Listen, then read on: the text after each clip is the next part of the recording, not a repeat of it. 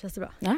Man blir typ anf- när jag spelade in sommarpratet, alltså man får saliv och Mm. blir andfådd fast man inte ens... Men plötsligt typ så hör man ju också det. Ja, det är nog det. Ja. Så här, Så jag kan också andas. ibland, jag bara gud kan du bara sluta sli- slicka runt sådär? Ja, Man hör såhär, verkligen. Jag måste ha lite vatten. Empower her.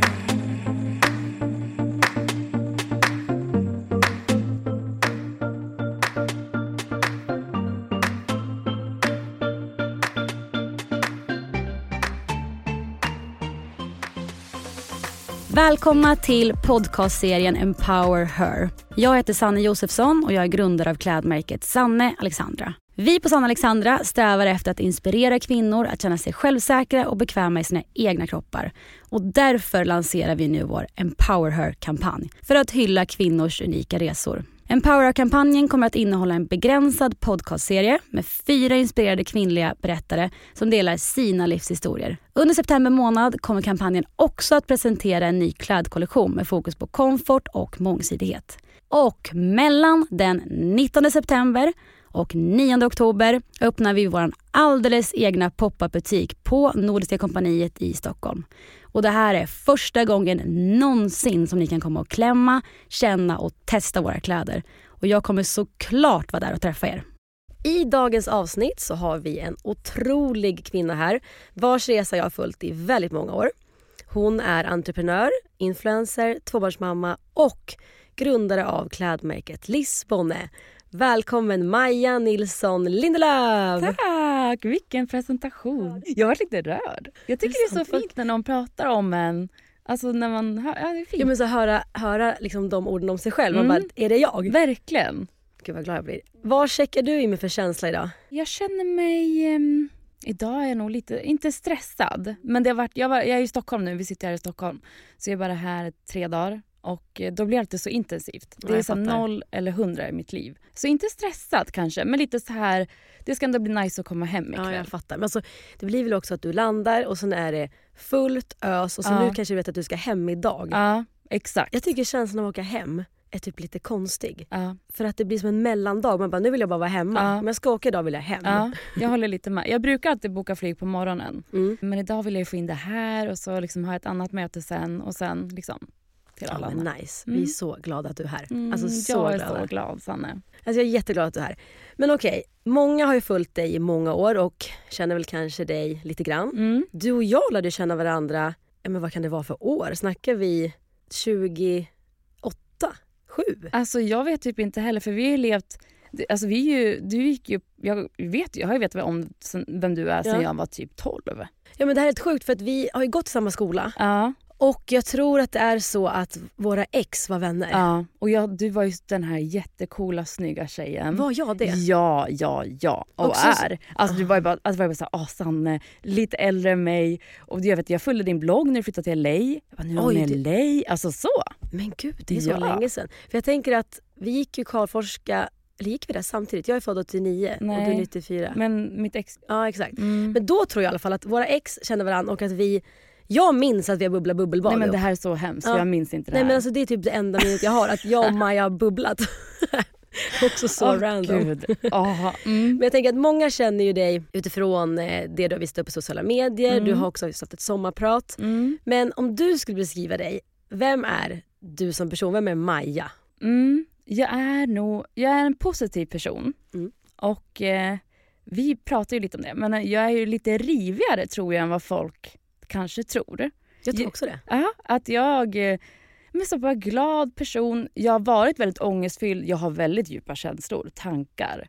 Eh, Men absolut mycket mer under kontroll. Och eh, vem är jag? Vad är det för fråga ens, Sanne? För att Nej, jag, man visst, är det så så svårt. svårt. Alltså det är därför jag typ lägger upp det som att så här, men vem är du? Och varje gång tänker jag så här, det här är den frågan jag själv känner att den är så svår att svara på. Ja, Men alltså, jag upplever dig som ganska lugn. ja men det Alltså är jag. rivig men ändå lugn. Alltså, jag Ja. tycker du har en lugn energi. Ja, men det är jag.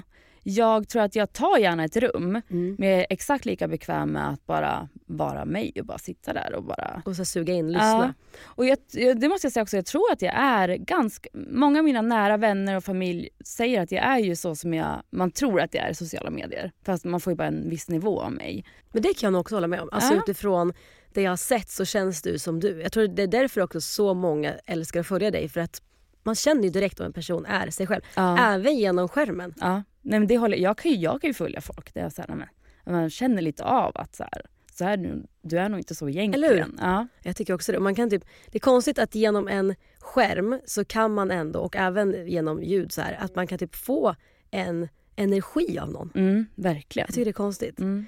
Men är du, känner du att du är samma person idag som när du var barn? Alltså är du lik dig själv från din barndom? Liksom? Jag, ja, men jag har mycket mer förståelse för vem jag är. Så att jag beter mig inte på samma sätt för att jag har lärt mig kontrollera mina mindre bra sidor eller mina, omfamna mina bra.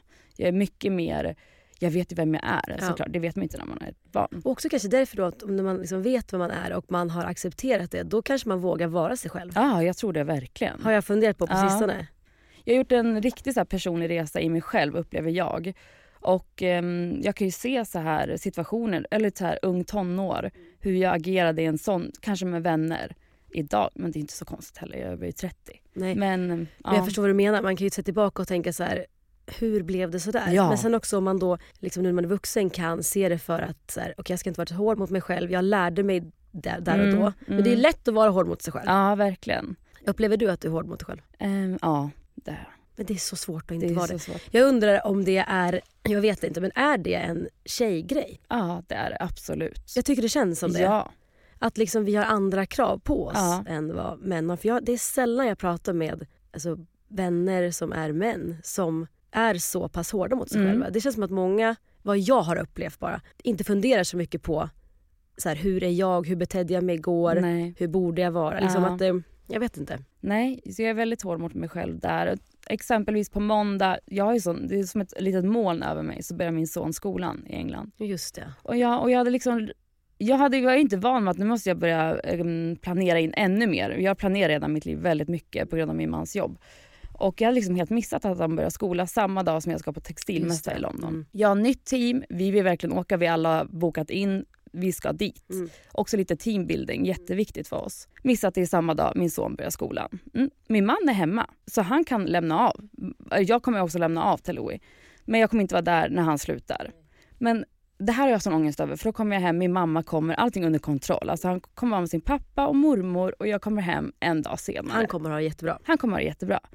Men då slog det mig, för sen åker Viktor iväg med landslaget i tio dagar. Han har ju inte ens sagt till mig, jag har missat Louis första vecka i skolan. Jag tror inte Nej. ens han har tänkt så. Du har inte reflekterat över Nej, och jag är så här, jag missar 24 det? timmar. Så känner man sig sämst. Ja, och jag Så skulle vilja bli orättvist. mer. Ja, orättvist. Och också så här, för man blir så taskig mot sig själv då. För jag tänker då som, för du har ju två barn Mm, och Louie är fyra mm, fyra och ett halvt. Ja. och det är han som börjar Ja. skolan då. Han kommer ju säkert ha jättefina minnen från den här dagen. Ja. Han hade haft lika fina minnen om du var där. Mm. Men man är så duktig på, eller många kvinnor jag känner, även jag själv, duktig på att vara så hård mot sig själv där. Mm, Att jag borde verkligen. stå där. Ja. Ja, jag förstår din Mm. eh, känsla. Men du, du har ju två barn. Mm. Din yngsta är snart två. Mm, I oktober. Tycker du att de är lika dig personlighetsmässigt? Tello är jättelik mig. Vi är alltså så soulmates på ett, annan, på ett annat plan. Alltså för att han är mig. Mm. Så att jag kan ju se när han gråter över, han, han gråter över saker som inte har hänt. Och sån är jag. Medan Francis är precis som sin pappa. Och det är bara go with the flow. Allt är manana manana. finns inga problem. Nej. Men så Ted Louie är också en känslomänniska. Ja, absolut. Vi kommer ha det, han och jag. Alltså, det är så tur att vi har Viktor där som lugnar oss och sansar er. Men är ni, okej det här kanske är en konstig fråga men vet du om du och Ted Louie är eldtecken i stjärn, alltså stjärntecken? Oj, jag älskar ju sånt där men Ja. jag är så okunnig. Det måste jag ta reda på. För att jag vet i vår familj, jag och Frans, vår äldsta, vi är eldtecken och väldigt känsliga och det är eldigt. Och sen har vi då min man och vår dotter, de är Mm. vattentecken och det typ känns. Mm.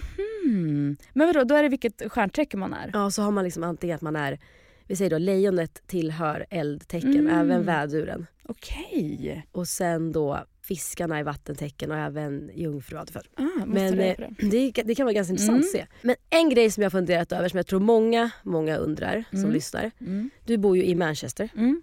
med din familj. Hur ser dina dagar ut där? Ja, Ja. eh, det, det är så högt och lågt. Ja. Så ena veckan är en sån här vecka. Nu åker jag hem ikväll, imorgon är det fredag, då ska jag vara med Teddan. Det är helg, min mamma kommer, måndag åker jag till London. Men en vanlig vecka är, mm, Barnen går i skolan. De är hemma på tisdagar eller har varit hittills. Men jag vill lämna barnen, ofta Viktor för det är på väg till hans jobb. Sen är det liksom möten med alla, vi har två bolag, ett liksom influencerbolag och mitt klädmärke. Och jag har gjort allt själv så att det, är alltid, det är alltid möten. Om det är med banken, om det är om samples nya, det är ju alltid bara någonting. Försöker verkligen prioritera träningen där. Så jag, min nya grej, det är att sätta klockan. Det här låter ju lite, för jag har haft ätstörningar och jag är väldigt försiktig med vad jag... Men jag har börjat sätta klockan på liksom 06.00 och jag står på bandet kvart över. Det här har jag sett på Instagram. Ja, det här är min nya grej. Men det har jag ändå fått en push av. Ja. Då blir jag så här, fan nice att hon var uppe i morse. För jag Alltså- mår så bra. Och det viktigaste bra. är ju det. Att du mår Ja. bra och att du får energi av det. Ja, och jag, det är inte så att jag springer en halv mil. Och, så- alltså, jag går typ 40 minuter, lyssnar på en podd. Sen börjar huset vakna, jag går och gör min kaffe, jag har fått lite endorfiner. Nu börjar min dag. Så nice. Ja, så jag, Känner du att det ger dig eh, energi alltså under dagen sen? Absolut, jag är en helt annan person. Min man har sagt det. Dina sämsta dagar, det är när det är hans morgon Mm. och jag sover till nio. Då är klockan tio i Sverige. Så jag ligger automatiskt efter två timmar typ Just det, med ja. allt. Ja, jag fattar det. Ja. Eh, Så jag, han sa så här, du måste, du är ju en sån person som mår bra av att gå upp i ottan Innan, liksom, och bara ja. nu kör vi. Är du en eh, morgonperson? Ja, jag var det mycket mer innan barn. Nu är jag mer trött. Nu är man mer konstant trött. ja. Åh. jag fattar det. Ja. Men alltså just det här med att gå och träna innan sådär. Jag tänker också så här lifehack för att om man planerar så här under dagen ska jag träna eller Mm. senare. Mm, det händer inte då. Det blir inget Nej. senare. Nej. Det, det blir aldrig av. Nej. Men jag tänker, jag känner igen mig i dig när du beskriver dig som en känslomänniska. En insikt jag fått på sistone är att om jag tränar hårt så blir det jämnvikt, alltså det blir jämlikt mellan hjärnan och kroppen. Mm, exakt Kan du så. förstå vad jag menar? Absolut. Är jag ledsen, Ja. då går jag ut och springer. Ja, då får du liksom Ja. fokusera på något annat. Ja. Jag tänkte på det, jag bara, om man ändå då...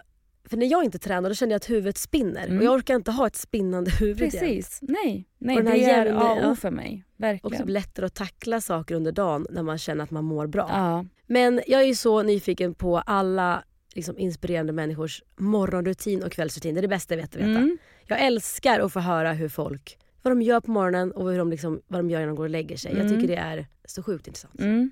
Månader är väldigt viktiga för mig. Att det blir lugnt, sansat. Sans och balans. Det är Mm. liksom, och det är, när man har två små barn och eh, Viktor kanske är borta eller han är hemma. Men han, alltså vet, det är bara så här, Mm. åh. Så att, eh, nu då min nya är att gå upp och träna. Sen är det eye patches på, kaffe, alltså två, Oh, tre nice. koppar. Svart. Eyepatches, har du dem i kylen? Ja, så Oj, flera. Och så väljer jag vilken ska jag ta idag. Har du det i Stockholm nu också? Eh, nej, för de blir så torra. Jag är här en gång Just det, var nej. Det blir inget bra. Nej. Men i England har jag. Kokar ägg, barnen börjar vakna. Och här är jag lite annorlunda jämt mot min man. Men jag sätter gärna på Bamse på tvn, tänder lite ljus, de mys... Alltså, medan Victor säger ingen tv. Men jag tycker att det är... De chillar lite, jag chillar lite. Så nu är det frukost. Jag är med dig där. Ja, vi äter frukost ihop. Eh, klär på dem, jag sätter på mig... Det här är också min nya. Innan kunde jag typ sätta på mig smink och kläder vid lunch. Ja, fattar. Men nu är min nya, jag ska vara påklädd och klar. Typ halv nio. Skönt, för det är det som är som egen företagare. Ju, att när man inte har några sådana tydliga möten där du ska vara på en plats en viss tid. Då är det lätt att vi typ kvart i två när man ska ha möte, Mm. då sminkar man sig. Exakt. Men egentligen ibland får du liksom en- en kick av att så här, nu när jag, nu har jag sminkat mig, då börjar dagen. Ja. Ja. Ja, och då är jag bättre på mitt influenceryrke. För att då bara, här kommer en liten bild. Eller Ja. sitter jag där och bara, hej kom och hjälp Och man mig. behöver inte Det- visa mig idag igen. Nej, precis. det har varit en sån dag. Äter du alltid samma frukost? Mm, men jag så här knäckebröd, ägg och kaviar. Vet du, jag äter också knäckebröd och ägg varje Mm, morgon. ja. Det är aldrig någon som svarar det till Nej, mig. nej. Vad glad jag blir. nej, alltså verkligen. Alla jag träffar äter yoghurt och bär. Aha, ja. Men jag vill vara en sån här person du vet, som gör de här bowsen och det är lite Ja. granola. Ja. Nej, nej, nej. Nej. Om något, jag, också, jag är duktig på smoothies, slänger in Mm. allt jag kan. Också spirulina, alltså du vet, eh, vad heter det, kollagen. Mm. De är också väldigt bra. En stor Du lite smoothie. mätt av. Ja. jag tycker ägg är så mättande. Ja, men ibland har jag inte heller tålamod. Alltså, jag är inte en lat person, men effektiv. För Du mig är det... prioritera. Ja, men, det, men ibland är det lite att ens ta fram den här äggskäraren Ja, och lägga ut äggen på en... Det är så här, jag har inte tid med Nej det förstår jag. Jag kokar också bara dem, sen så bara knäcker jag så äter jag det med handen. Exakt, stående. Så är jag med. Och så Jakob sitter där med sin kopp och sked. Jag bara, ja ja, ha så kul. ja, men jag kan komma ner någon gång när Viktors morgon, han står och gör toast och Nej. äggröra. Nej, Jag bara, nej, nej. men hallå. Men det är samma så här när man ska laga middag till sig själv. Om jag lagar middag till mig själv, oftast äter det barnen äter. Jakob står med någon stek, gör någon sallad. Man bara va? Va? Nej, jag är likadan. Jag beställer då. Ja, helt rätt. Mm. Okej, så morgonrutinen har vi fått höra nu. Kvällsrutinen då? Är det liksom, jag vet att du har två barn så att det kanske inte ser ut som innan barn, men nu? Men jag tycker om våra, för vi, jag har alltid varit ganska noga med att de ska ligga i sängen i tid. Mm. Eh, De mår väldigt bra av det också. Så att eh, Francis sover runt halv sju, Teddan halv åtta kanske. Jag är så avis på dina barns rutiner. Nej, men det Jag är fattar inte hur du så, har lyckats med det. för det har varit så noga för mig att ha kvällarna rent själviskt. Och de är såna barn så, okej Teddan vaknar ganska tidigt men Francis han sover till åtta. Men tror du att det är också att när du har varit själv så mycket så har du typ behövt... Jag har behövt Ja. den tiden, det är min tid. Så då sover de, då, då börjar jag så du vet, jag tar en dusch, sätter Åh, på mig en gud, ren skönt. pyjamas. Jag lägger så mycket krämer, jag älskar ju sånt, Ja. med en podd. Och är Viktor hemma, då går vi ner. Jag är sån här som tänder ljus och sånt. Jag tycker Alltså, det är så det är så mysigt. Och Ja. nu kommer ju din favoritårstid. Ja, jag älskar hösten och vintern. Och sen gör vi ofta kvällsmål, för det äter vi med barnen. Eller så äter vi själva, men annars blir det kvällsmål. Vad äter ni då? då? Äggmacka. med kaviar. Och Victor Toast. Ja, och Victor Toast. Jo, det är sant. Jag såg det här på din story. Ja! Vilken är det? Team Maja? Jag kände ju bara 100% Team Maja. Ja, nej. Och sen, em, och sen då försöker jag få in mig några koppar grönt te. Så Oj, lugnande, vad gott, ja. Är det så gott? Nej, kanske Nej. inte. Men, Jag är ingen teperson. men vi kan låtsas som det. Men jag känner mig duktig då. Ja, samma. alltså jag känner så, ah. Jag är inte heller en teperson. Nej. Men det känns bra. Ja, exakt. Och sen då vid åtta, kvart över åtta, halv nio, då sitter vi framför tvn, tända ljus. Och så, Följer ni serier ihop? ah, oj, oj, oj. Åh gud vad nice. Verkligen. Men alltså varför är det det bästa vi har? Att sitta på kvällen när barnen sover och kolla Ja, serier? Ja, det är så mysigt. Men då släpper du jobb? Helt. Ja, så skönt. Men jag har perioder där jag har jobbat alldeles för mycket, aldrig varit närvarande. Så jag har en jobbtelefon och en eh, Mm. vanlig telefon. Jag tycker du känns som en sån förebild i att lägga bort telefonen. Ah, nej, jag, nej, det är bara att den ryker då. Men det är så bra. Ja.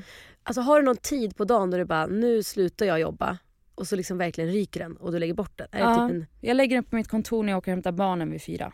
Alltså det är så inspirerande. Ja. Här tycker jag alla ni entreprenörer ute ska ta efter. Och även jag. Mm. Nej, men det är jätteviktigt. Jag har Mm. sagt till mina anställda nu att så fort någon vill ha en jobbtelefon så löser vi det. För Mm. att sen kan jag gå in på morgonen dagen efter och se oj här har det skrivits i Ja. alla grupper. Typ 21.30. Mm. Men jag som chef markerar att jag sant. kommer inte läsa. Då visar ju du vägen. Ja, Alltså du är en bra guide för de andra. För Ja. hade du skrivit vid halv tio, ja, som jag gör till de jag jobbar med, ja, då tror ju de att det är okej. ja precis. Nej. Och även när jag skriver så här en lördagkväll. Ja, Alltså jag måste sluta med det här. Det, Nej, men- det tycker jag är väldigt inspirerande. ja. Och så bra. ja, det är bra. Men du har ju nu hållit på med dina sociala medier i många år. Mm. Var kommer ditt driv ifrån tror du? Mm. Har du alltid känt dig driven? Ja, alltid. Alltså inte just inom sociala medier Nej. utan bara driven som person. Jag har ju sedan jag var ung var så här, jag kan faktiskt bli typ vad jag vill och det har jag fått av min pappa. Att Så här, bra. Ja, alltså lite så här brist av självinsikt kanske. Alltså, så här. Men också så om, du, om du inte vågar drömma så stort och bara säga jag kan bli vad jag vill. Då är det också svårt att... Alltså du kan ju inte uppnå, uppnå det om du inte tror det. Nej. Jag har så tydligt, min mamma supportar mig i allt men jag vet någon gång när jag skulle starta Disponner och var, så sa jag så här, "Nej, men tänk så här om eh, vi har eh, en omsättning på typ 300 miljoner på ett år. Hon bara, ja men Maja. jag bara, nej. Men jag menar det. Ja men? Och hon bara, men nu måste vi liksom, ja och jag tycker det är härligt så jag har bara alltid haft det i mig, verkligen. Men också så här, om man ska ha ett jätteframgångsrikt företag. Mm. Alltså, man behöver ju sätta upp de där asstora målen om Ja. man ska nå dit. Absolut. För att vill ni nå 10, då är det dit ni kommer jobba. Ja, Vill ni nå 100 miljoner, då är det, då är det dit ni kommer jobba. Då kommer ni göra andra va- val inför. Exakt. Det. Det är ändå så viktigt. och jag tror mycket på affirmationer, alltså det man Ja. sänder ut. Så jag är Ja, ja. 300 miljoner. Ja. Men det är sant. Ja. Alltså jag testade en grej förra året. Undrar om jag vågar berätta det, men nu gör jag det uppenbarligen. Det var att eh, alla på kontoret skrattade åt mig för jag berättade att jag skulle testa manifestera pengar Ja. i bolaget. Och de tyckte ju att jag var helt knäpp Ja. i vanlig ordning. Jag bara nu varje kväll så ser jag en siffra som ska in varje månad på bolaget, då på San Alexandra. Alltså det, det gick bättre och bättre. Ja. Men jag tror också att utifrån att jag bara tänkte så, så kanske jag gjorde andra val. Mm. Alltså aktiva val Ja. för att det skulle bli så. Ja. Om man liksom hakar upp sig. Men jag tror att jätteviktigt ändå att ha så, de här siffrorna. Att du har dem visualiserade för att du ska kunna nå dem. Ja, verkligen. Men så drivet, känns det som att det kommer från alltså, ärftligt? Eller tror att det är, liksom, är det någon viss tid i livet där du kände att så här, här minns jag att jag liksom insåg att jag hade ett driv? Men det var nog så här, när jag, så fort jag fyllde 16 var så här, nu kan jag börja jobba i Sverige. då sökte jag jobb. Alltså det har alltid varit, och inte för pengar, alltså bara så här, jag, eller jo, då var det ju det. Ja. Herregud, det var jättenice att få in typ 2000 kronor i månaden Mm. som 16-åring. Ja. Det var jättebra. Alltså jag har verkligen bara alltid haft det i Mm. mig. Känner du att det känns som att någon av dina barn också har det i sig? Att de liksom vill att det ska, alltså vill göra saker, vill vara duktiga, vill prestera? Ja, och, och där vill jag nog, för det har också varit jättejobbigt att Ja. vara sån. Mm. Alltså jag, hade, jag gick ut med typ helt orimliga betyg med tanke på att jag är så här street smart. Men jag är inte så här bok, alltså jag kan läsa en bok och bara vad stod det egentligen? Ja. Lite så.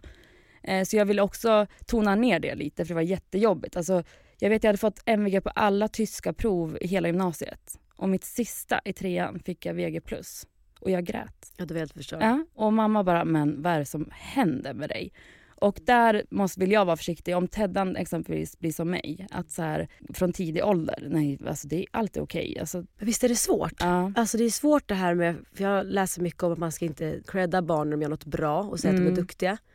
Och sen hör jag mig själv stå där Mm, och säga vad duktig du är. Mm. Och så kom jag på att det var ju det här jag inte skulle säga. exakt. Och man börjar typ, jag kan känna att man förstår sina föräldrar mer nu Mm, när för de har säkert uppmuntrat, och jag tänker dina föräldrar också, de har upp- uppmuntrat dig till saker som du tyckte var kul och när du har liksom varit då duktig och mm, pluggat till ett prov. mm, Men just problematiken i det sen att man kanske lägger värdet i mm, hur man presterar. verkligen. Det är svårt. Det är jättesvårt. Känner du att du har lagt värdet i hur du presterar genom åren? Om jag har tonat ner det liksom. Ja, men alltså just att du har känt att, att du tar det väldigt hårt om det inte går bra. Jag har blivit så duktig på att börja se saker som en lärdom. Ja. Jag kan få ont i magen och känna att åh den här grejen vart inget bra. Nej. Men jag har blivit jätteduktig på att tänka längre. Att säga, okej fast jag lärde mig ju det här av det. Och sen, då hade jag inte varit där nu. Och det har tagit många år. Jag förstår det. Ja, och där, det ser jag verkligen som en superkraft nu. Liksom att, Tror du att du också har haft en, liksom, en liten del av det här äh, duktiga flickan-syndromet? absolut. Alltså oj oj oj. Visst har vi alla det? Ja, det, alltså nej snälla. Jag vet inte hur det blev så, men är Nej. det då att vi liksom, flickor ska... Vi ska inte kanske låta för högt och vi ska inte ta för mycket plats och vi ska... Så I vuxen ålder nu, vi ska ju liksom gnäll, vi ska inte gnälla Nej. och vi ska vara snälla och trevliga jämt. Mm, Får kanske inte skratta för mycket på möten. nej. Måste klä oss på ett visst sätt. Mm. Alltså det är mycket, det är inte lätt att vara tjej. Nej, det är inte lätt att vara tjej. Har du sett den nya Barbie-filmen? Nej, har du? Ja, och du skulle älska det. Ja, jag skulle det. Eh, Jag vill se den. Alltså, jag, ska, jag kan inte spoila den. det var slutet. Men de har ett sånt snack där i om att så här, vi är aldrig vi kvinnor är ju aldrig enough. Alltså Nej. så här, hur ska vi någonsin vara nog? Nej. Vi ska vara då vältränade, den perfekta mamman, vi ska även Mm. hinna det och det och laga mat. Men vi ska Mm. ändå... Det, det, det, är ett, det är orimligt. Mm, det är orimligt. Känner du dig snäll mot dig själv idag? Ja, men jag tycker nog det. Just för att jag... Alltså alla missar man har gjort hittills. Det, jag hade inte varit den jag är idag om jag inte hade gjort det.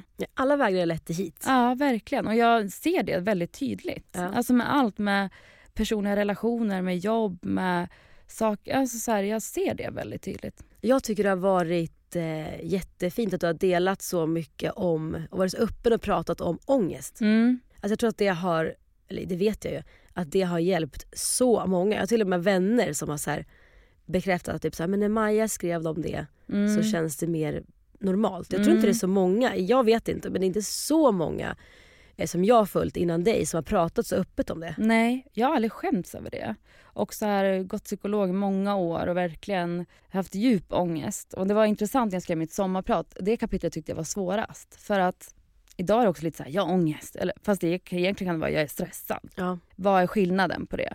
Och då bollade jag mycket med både min mamma och Viktor. Så här, hur var det för er? Vad kommer du ihåg från de här åren? För, för Mm. mig är det lite luddigt.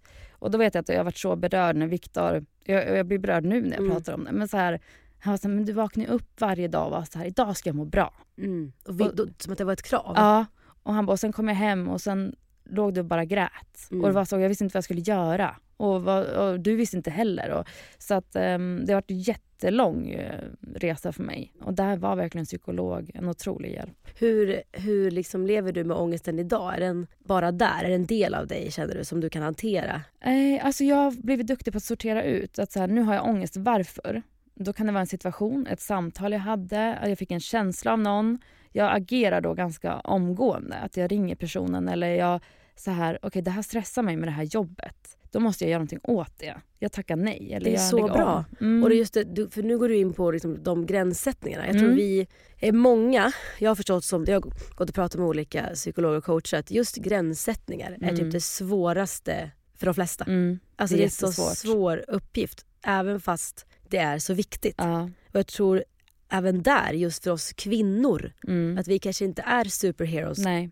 jämt. Nej. Eh, nu är vi i och för sig det, alla tjejer. Mm. Men just att så här, vi, eh, alltså vi kan inte göra allt Nej. och det är okej och vi får säga ifrån när något inte känns bra. Mm. För det har du upplevt genom åren då, jag tänker att då när du levde med mer ångest än vad du gör idag kanske. Hade det att göra med gränssättningarna då? absolut. Jätte. Och det här året har varit så att mitt största mål i år det är att ehm, inte vara en ja-sägare.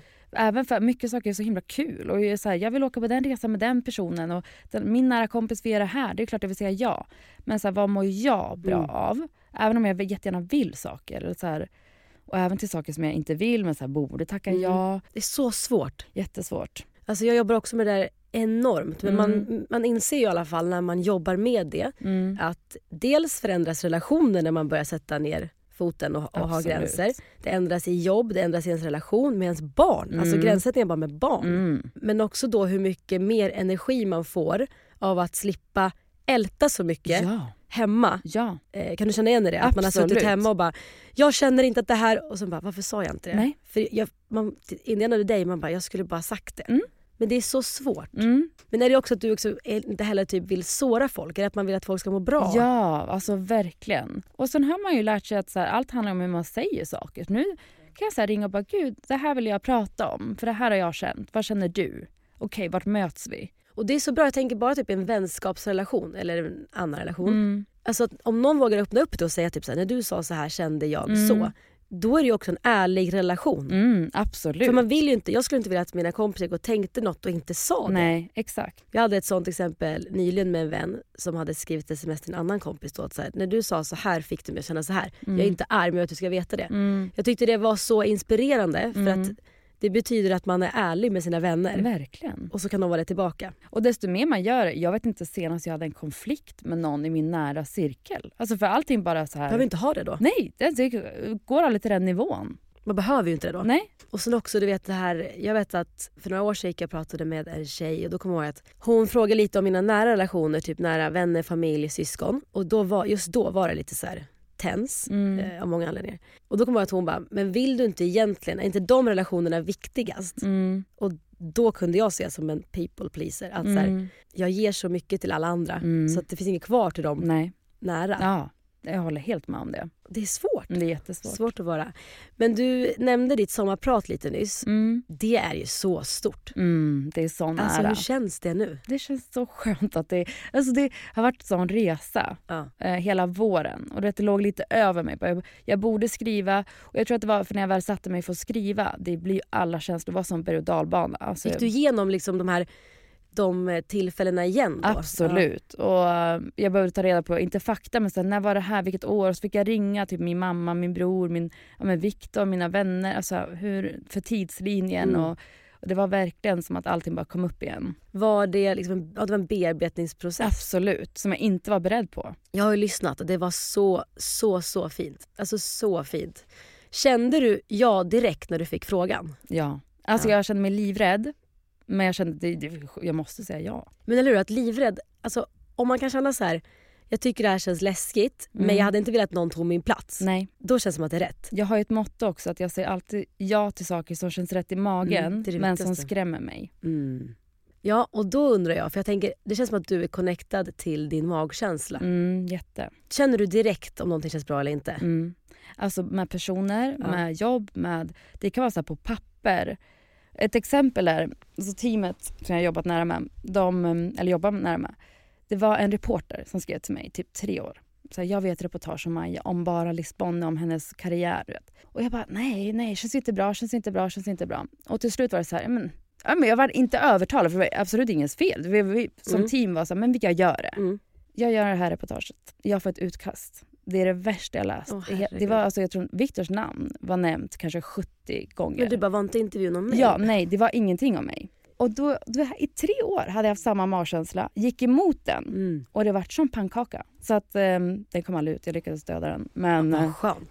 Bra. Good Alltså, men det var jobbiga dagar där. Så eh, jag har lärt mig, ja, men så här, när jag väl har gått emot den visar det sig alltid stämma att jag, fan, jag ska lyssna Men visst är det konstigt att Alltså jag tycker också på sista tiden har man fått kvitto på att när man är aligned, när man Mm. är på rätt spår så typ flyter det på. Mm, verkligen. Och så fort man går åt andra hållet, att det är verkligen, man är inte i synk med det här, det här är inte det som är rätt för en.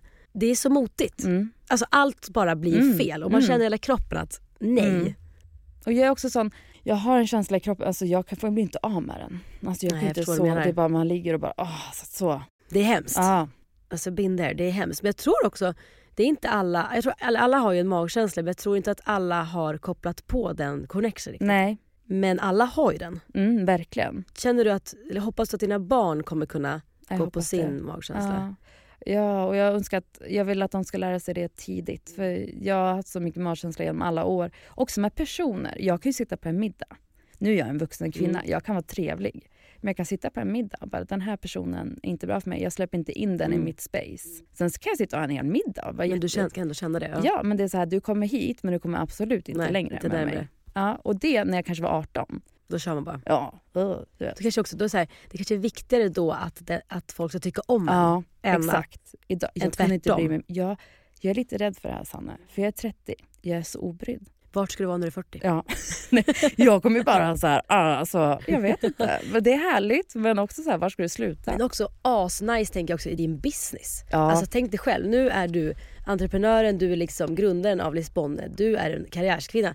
Det kommer behövas. Mm. Jag tror att det, det är nu du bara förbereder dig för det som komma skall. Mm. Jo, det tror jag med. Och en dag kanske du är någon slags, kolla nu kommer hon spåkvinnan här. Men en dag kanske du är någon slags så här, undrar var det här kommer ifrån för jag känner så starkt. Du kanske är någon mentor sen till andra kvinnor jag som vill eh, Mm. starta eget. Mm. Och då Verkligen. kanske du bara, då sitter du där och ser de här Mm. tendenserna. Mm. Verkligen. Att så här, här står du på dig.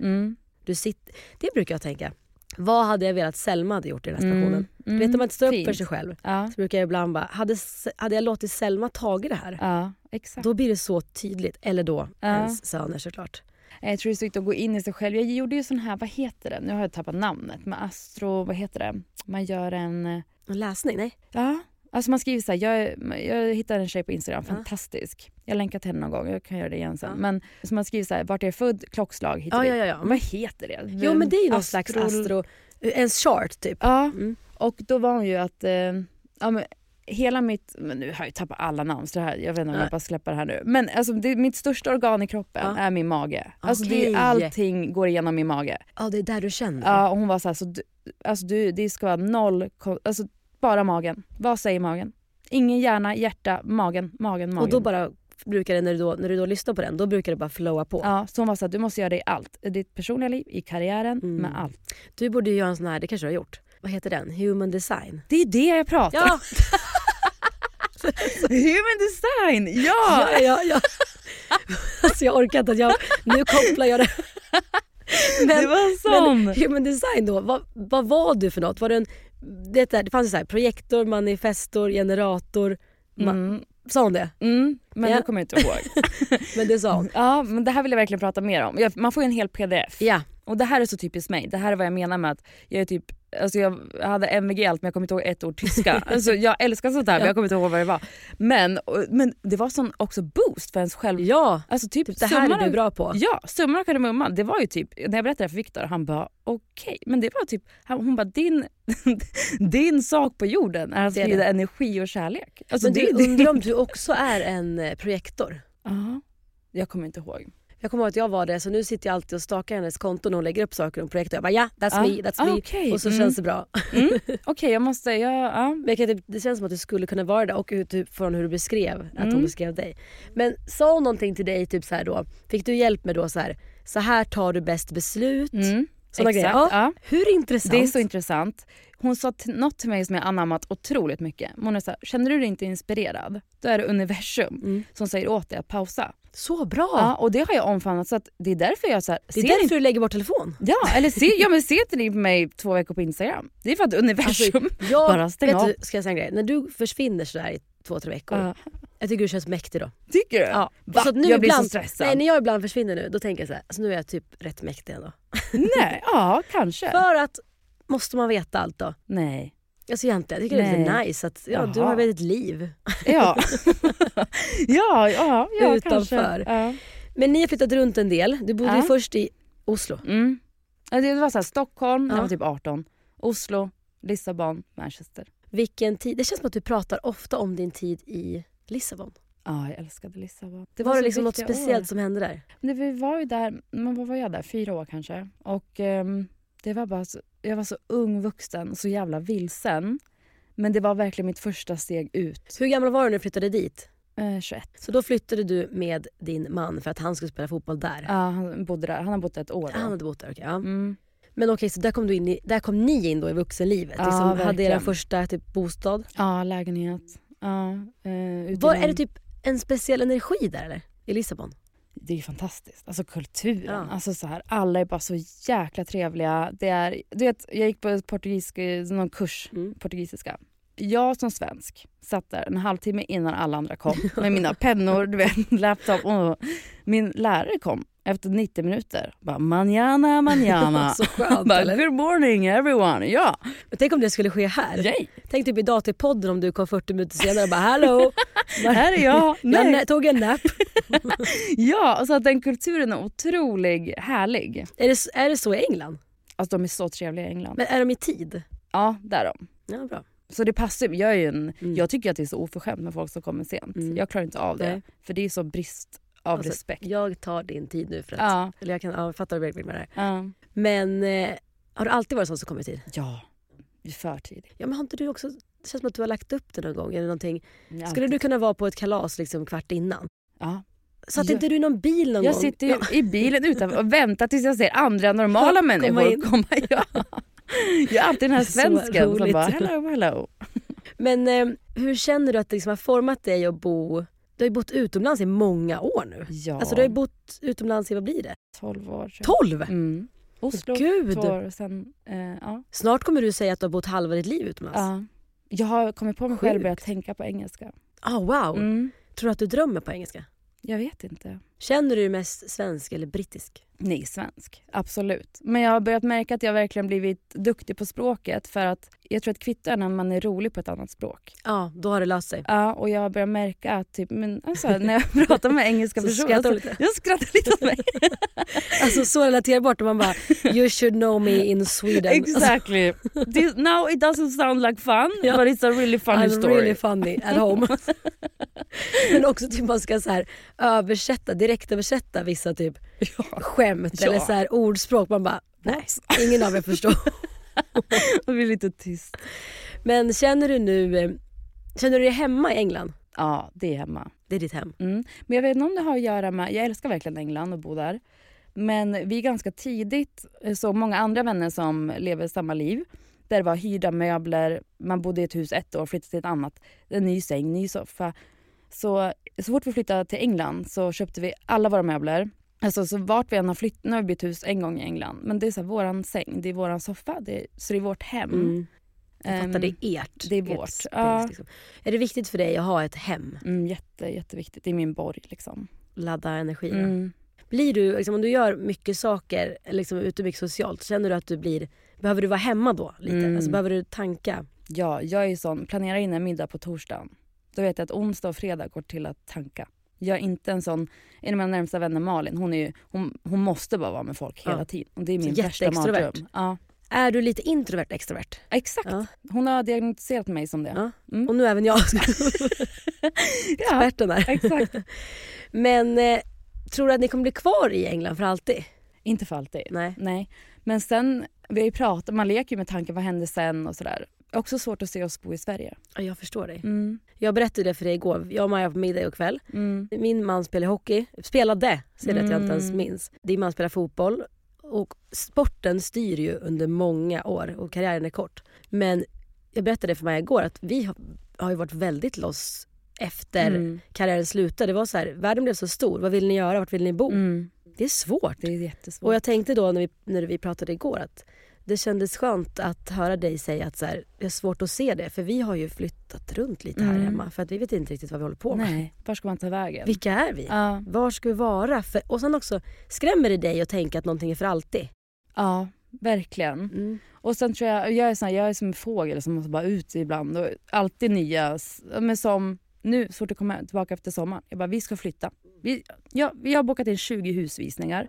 Victor bara, men herregud, alltså varför? Jag bara, jag behöver något nytt. Mm. Det vart inget i England, något nytt hus där. Så nu ska vi på lägenhetsvisningar här. Ja, nu ska vi hitta nytt. Men så ni skulle kunna bo kvar i England även när ni inte spelar tänker du? Jag har alltid velat bo i London, Mm. men sen är vi så här, ska vi tillbaka till Portugal? Ska vi till, alltså så här, jag, det enda som skulle dra oss till Sverige, det är ju våra familjer. Vi är väldigt nära våra familjer och vänner. Det saknar jag. Ja. Alltså en av mina största så här, sorger, eller något, när det verkligen gör ont i min mage, eller jag blir lite ledsen. Det är Mm. typ en fredag, Viktor är i London på någon match, barnen sover. Alla hemma hos min svärmor äter tacos. Mm. Alla. Alla hans bröder, alla. Det är så, så här, åh, Mm. då, då är jag ensammast på jorden. Ringer du dem då liksom och bara Jag tycker det är ganska jobbigt. Ja, alltså jag bara mm, loggar ut. ja. Och, Så att det är det enda som... Så här, vi vill ju vara nära alla. mm. Och framförallt barnen. Ja. Det är en otrolig sorg att... Eh, jag vet jag hämtade upp barnen någon gång på förskolan och framför mig var en morfar eller farfar. Och jag bara hör barnet bara “Åh, grandpa!” och hämta upp dem på förskolan. Och då, kommer jag, då börjar jag Ja, gråta. jag. Men tänk då på måndag när din mamma står där. Ja, jag vet. Alltså med Ted Louis. Det blir Mm. magiskt. Tänk Mm. när hon får stå där då. Mm. Då kanske det är menat att du skulle iväg. Exakt. Och ge dem ja, det. det. Men jag förstår verkligen din känsla. Alltså det är ju, alltså ens barn, man vill det bara så väl. Ja, verkligen. Man vill bara att det ska bli så bra det bara går Mm. och man vill vara där. Mm. Känner du dig sentimental? Alltså om ni hade behövt flytta, tror du att det hade varit... Jag är så flytta hem, sentimental. jobbigt. Oj, oj, oj. Alltså otroligt. Men jag har också förstått det, till flytten från Portugal till England var så otroligt, alltså från en dag till en annan. Allt bara gick så jäkla fort. Eh, Jag har förstått, för mig, jag måste ta avslut. Ja, förberedelser också eller? Ja, jag måste liksom så här, som bara att vi flyttade från vår lägenhet till ett hus i Mm. Västerås. Gick in i lägenheten. Okej, det är viktigt. Ja, jag jag vet, hej då lilla lägenhet, jag älskar dig. Tack Mm. för alla minnen. Mm. Så, Ja, för då har du stängt det. jag har stängt det. För visst är det intressant ibland att man kanske vet att nästa steg man ska till är bättre Mm. och man kan vara så taggad på det. Mm. Men ändå så ledsen för att något tar slut. Ja, alltså så är det alltid. Jag tänker bara typ i jobb. Jag tänker att om du skulle få någon så möjlighet med Lisbonne som hade gjort att vi hittar på. Någon vill köpa upp ditt halva bolag för Mm. en halv miljard. Och sen är det inte ni längre. Mm. Förstår du vad jag menar? Du Mm. kanske bara, det här kommer bli fett. Mm. Men jag är så ledsen över. Mm. Så det kan ju finnas, alltså, det jobbiga kanske inte alltid är dåligt. Nej. Men känner du att om du får liksom känna de känslorna och liksom vara ledsen, det, det är på det sättet du, det släpper. Ja, och då är jag så här, nu är jag ledsen idag. Och sen imorgon så blir det bra. Feel it to heal it. Och bara, Ja, verkligen. Okej, vi har haft lite tekniskt strul så nu sitter jag och Maja på länk. Men jag tänker att vi fortsätter och nu ska vi prata om någonting som jag tror att vi alla är väldigt nyfikna på. Nämligen Majas karriär. Hur kom du egentligen igång med din karriär? Ja, alltså jag började... Det var Hanna Graf som hörde av sig till mig när jag bodde i Lissabon och skrev hej, vill du börja blogga hos mig? Hon hade någon sån här bloggportal på den tiden Fem hette det. Femme liksom. Det här minns jag. Gör du det? Mm. Mm. Eh, och jag vet att jag var väldigt nervös, tänkte så här, vad ska jag göra? Och så jag vet inte riktigt. Och då um, bollade jag med en av mina bästa vänner Malin. Och hon är min största supporter och var så här, gör det bara, bli kul. Jag vet inte varför det kändes så läskigt, men det gjorde det. Och, men så till slut sa jag ja. Och sen bara efter det, bara började det trilla in följare tror jag. Så min Instagram växte lite, mitt Twitterkonto, bloggen. Allting blev väldigt organiskt. För att jag tror att man fick se mig på fler plattformar. Så bloggen var startskottet för hela karriären. Ja, jag skulle nog säga det. Ja. Man fick lära känna mig på ett annat sätt. Hur mycket har man inte bloggarna att tacka? Nu är inte det Ja. så många som bloggar längre. Du har ju blogg kvar. Jag har det, men jag har varit jättedålig att använda den. Jag känner ju att jag inte hinner. Och det är nog, jag tror också att det har att göra med att jag själv inte läser bloggar längre. Och då blir det att jag glömmer bort och det är, priori- det är liksom längst ner på alla mina kanaler, tyvärr. För jag älskar att skriva. Det är bland det roligaste jag vet. Du är sjukt duktig på att skriva. Tack snälla. Men, och jag har förstått att vissa av mina texter är uppskattade och jag älskar att få till de här längre. Men jag tycker det är svårt att hålla upp den här vardags, det vardagsbloggandet. För att då vill jag hellre lägga upp det på story. Jag försöker komma igång med TikTok, det går sådär men hej och Mm, och, eh, ja. Kan du lära också... mig några hashtags man ska skriva? Jag, jag försöker med den här FIP, men jag kommer ingen vart. Nej, och någon skrev till mig, du behöver inte göra den, den dyker upp ändå på allas... Så jag vet inte. Ja, vi får se. Men okej, så bloggen var ändå liksom startskottet. Nu när du säger det, jag bara tänker tillbaka, för jag minns ju när du började blogga eller när jag började läsa din blogg. Mm. Alltså snacka om att vi alla hade annat tempo. Man satt i lugn och ro och läste en text. Ah. Alltså tänk dig nu när allt är rörligt, allt går så fort, man får bara massa dopaminkickar. Fattar du vilket soft liv det var? Ja, alltså verkligen. För jag, jag saknar också att gå in. Jag hade ju mina kanske tio bloggar man alltid gick in och läste och det var så mysig stund. Och det är precis som du säger, nu går man in på TikTok och får liksom så här, man börjar se prickar efter ett tag för att det är så mycket ljud och ljus. Men jag kan tänka, då när du startade bloggen, trodde du då att du skulle bli så här stor? Att du skulle få så här mycket följare? Att, du skulle liksom, att det skulle explodera så här? Eller var det liksom mer på kul då? Nej, det var bara på kul.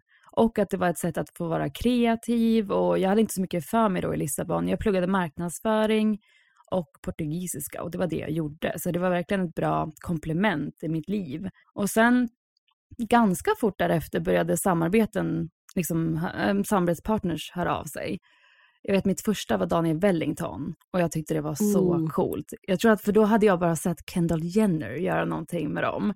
Det var oj, innan oj, oj. du vet, hela Sverige gjorde samarbete med dem. Eh, det var precis samma veva, för när jag la upp mitt, mitt samarbete som jag var så stolt över så såg jag sen att hela Sverige gjorde samma.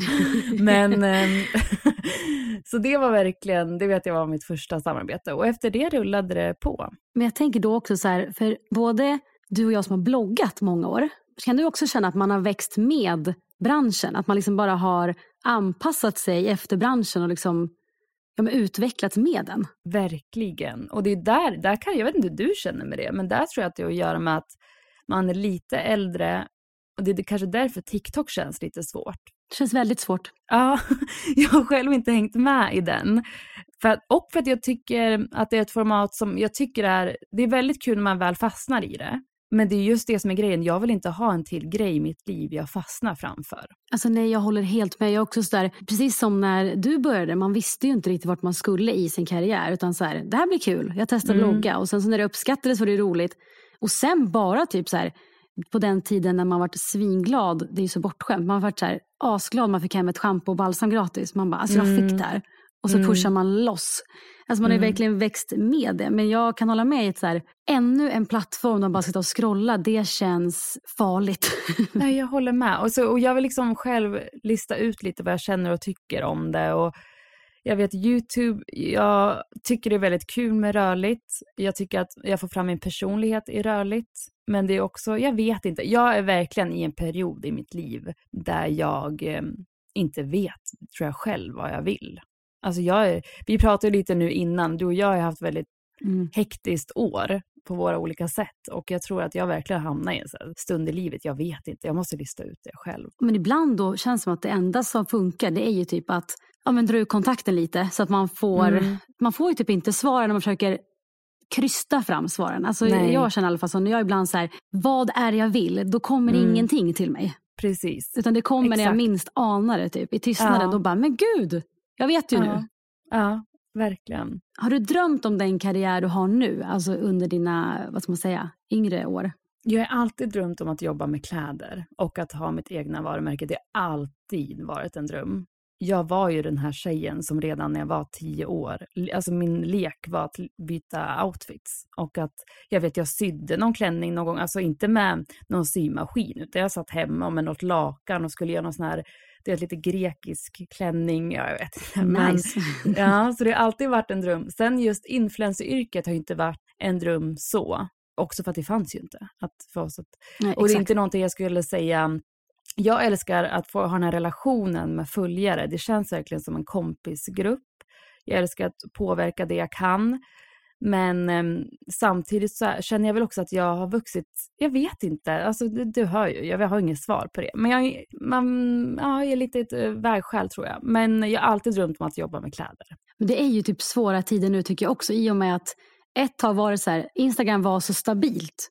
Mm. Eh, att man var så här, här är jag, nu kan jag uppleva så när man jobbar med Instagram, du som också gör en del samarbeten då och då, alltså man kan liksom inte riktigt lita på Instagram alltid. Och på algoritmen och man vet inte riktigt liksom vad, vad som händer. Det känns som många liksom lämnar Instagram nu så att jag kan förstå, Mm. jag känner precis som du att så här, vad är min framtid? Vad ska jag lägga min tid på förutom kläderna?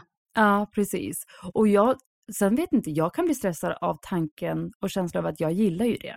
Alltså desto mer privat jag är nu för tiden och desto Mm. mer jag är i min lilla bubbla här i England och jag liksom lever mitt liv utan att visa vad jag för mig, desto lyckligare är jag. Och sen samtidigt som jag vet inte om jag är, jag är inte olycklig när jag gör det, inte alls. Det är bara att det är ganska skönt att bara, ah ja, alltså jag 100 procent. inte, när man är så van, när det har varit så många år av att just det, jag måste ha en bild på den här middagen. Då är det ibland så nice, bara nu äter jag bara middagen och njuter av den. Ja, men hun- definitivt. För det känns också, jag vet inte hur du känner, men jag tycker att så här, jag, jag skulle vilja skrivit på ett kontrakt så här, från och med nu, vill du då lägga fyra timmar om dagen på din telefon?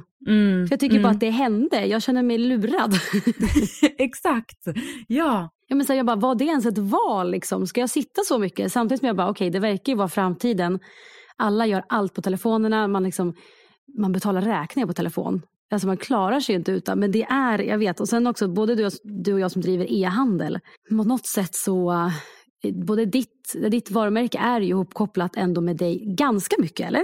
Alltså just Lisbonne. Ja, från början var jag så här, det ska inte alls vara förknippat med mig och det ska vara helt annat. Men alltså jag tror jag börjat landa i mer att jag är så otroligt stolt över det. Så jag är absolut så här, det är väl klart att jag vill, Ehm, jag är stolt över att jag är grundare till Lisbon Atelier. Så att det, från början var det nog bara strategiskt lite mer ur, ur, varumärkesperspektiv och att jag skulle kunna separera de två. Det är ganska skönt för mig att kunna säga, nej men det är Lisbonne och det här är Maja Nilsson Lindelöf. Men, eh, och det tycker jag att vi har gjort bara på två år, vilket gör att jag idag tror jag kan mer. Idag så är jag så här, nej men jag är grundare för det här, jag är gärna med i nyhetsbrev, gärna med på någon bild, så. Det är inte så att du måste så här, pusha loss, utan märket är ändå, vad ska man säga, fristående ju, från dig ändå. Ja, och det är väldigt härligt också. Jag menar, när vi har de här, nu släpper vi faktiskt varje torsdag eller har någon restock varje torsdag fram till jul. Och eh, jag pushar liksom, och jag vill pusha, nu är det bara mycket, vi håller på att flytta, hej och. Men eh, det är också ganska fin känsla att så här onsdag kväll bara, åh, undrar hur det går imorgon? Och att det säljer väldigt bra fast jag bara har, jag har inte gjort någonting. Ja, men så skönt. Alltså goals. Mm. Men på tal om Lisbonne då. Du startade det för två år sedan. Ja, vi lanserade för två år sedan, ungefär. Ja, lite mer än två år sedan nu. Men innan det, alltså själva processen började ju... Jag tror jag, jag fick mina första liksom, samples för sex år sedan. Vad var det för samples? Vad fick du hem? Eh, Det var, det var en tjej jag jobbade med då, vi skickade iväg, undrar om det var till Kina och så kom det någon, alltså väldigt fina, typ som en kashmir morgonrock och kashmirset och um, alltså väldigt eh, fina. Och redan då på de samplerna satt det liksom Lisbonne, en liksom sån tag på. Och de, de plaggen kom aldrig till liv. Nej, de kom aldrig till liv. Eh, aldrig, aldrig. Men jag har kvar dem som minne. För det var väldigt stort att ens få hem sample på, alltså på bara loggan var så wow, gud. Ja, såklart. Och hur kom du på namnet eh, Lisbonne? Mm, det, det är väldigt svårt med namn. Jag satt länge och funderade. Men jag visste alltid, eftersom att det var när jag bodde i Lissabon och jag kommer ihåg det en tydlig kväll när jag satt ensam hemma ute på vår altan och jag var så här, vart vill jag i livet? Jag satt med anteckningsblock och då var det så här, okej, jag ska ha ett klädmärke och det ska hitta, heta Liss, alltså någonting med Lissabon. Sen eh, satte jag mig någon gång några år senare och började brainstorma också med tjejer jag jobbar med och bara var så här, vad kan det heta? Och då började jag söka på liksom Lissabon på olika språk. Och så, jag bara, men gud, jag måste ju ha på latin. Så kollade jag vad det heter på latin. Och vad händer om jag delar upp namnet?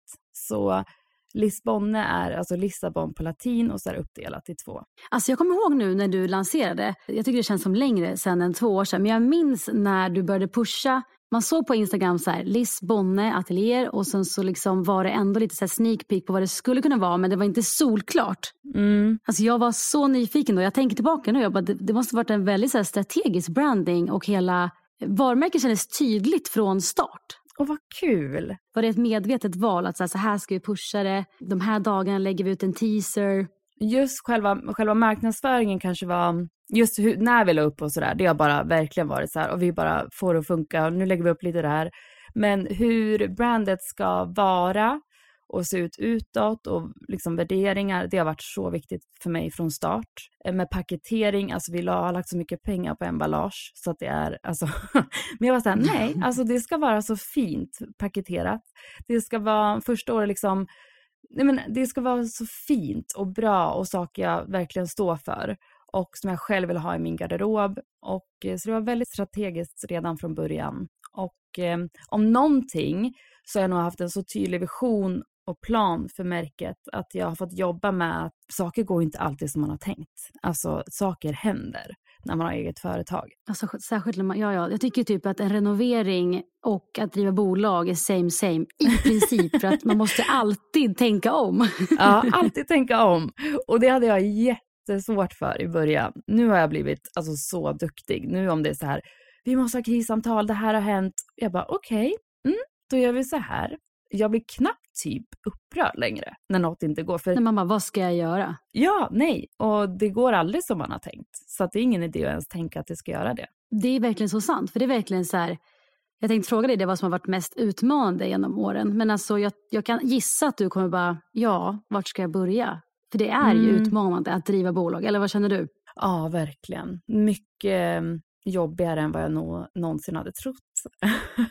Med risk att låta lite, men det är nog jag är också en person, någonting jag jobbar på nu är att bli bättre på att sätta lite gränser för mig själv och så här, nej jag gör det imorgon. För jag upplever att det har varit många år av det här måste lösas nu.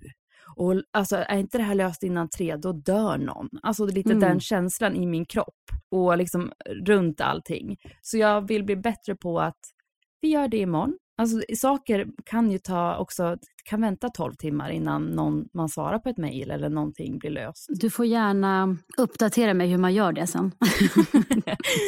ja, ja nej för jag har kommit till en punkt, jag orkar inte jag vill också må bra i mitt liv och jag tror att jag har börjat uppskatta det så mycket och förstått hur viktigt det är. Så att jag har kommit till en punkt där jag säger nej, det, saker måste förändras, hur jag jobbar. Men också så här, vet, om man inte är egenföretagare, det här är bara, nu kanske jag nu kanske jag bara hittar på, men jag tänker att om man jobbar på ett jobb där man är anställd, att man har ju alltid saker man ska göra dagen efter när man, när man liksom går hem, att det hör till mm. att så här, nu stänger jag för dagen, imorgon kommer jag tillbaka och då gör jag det.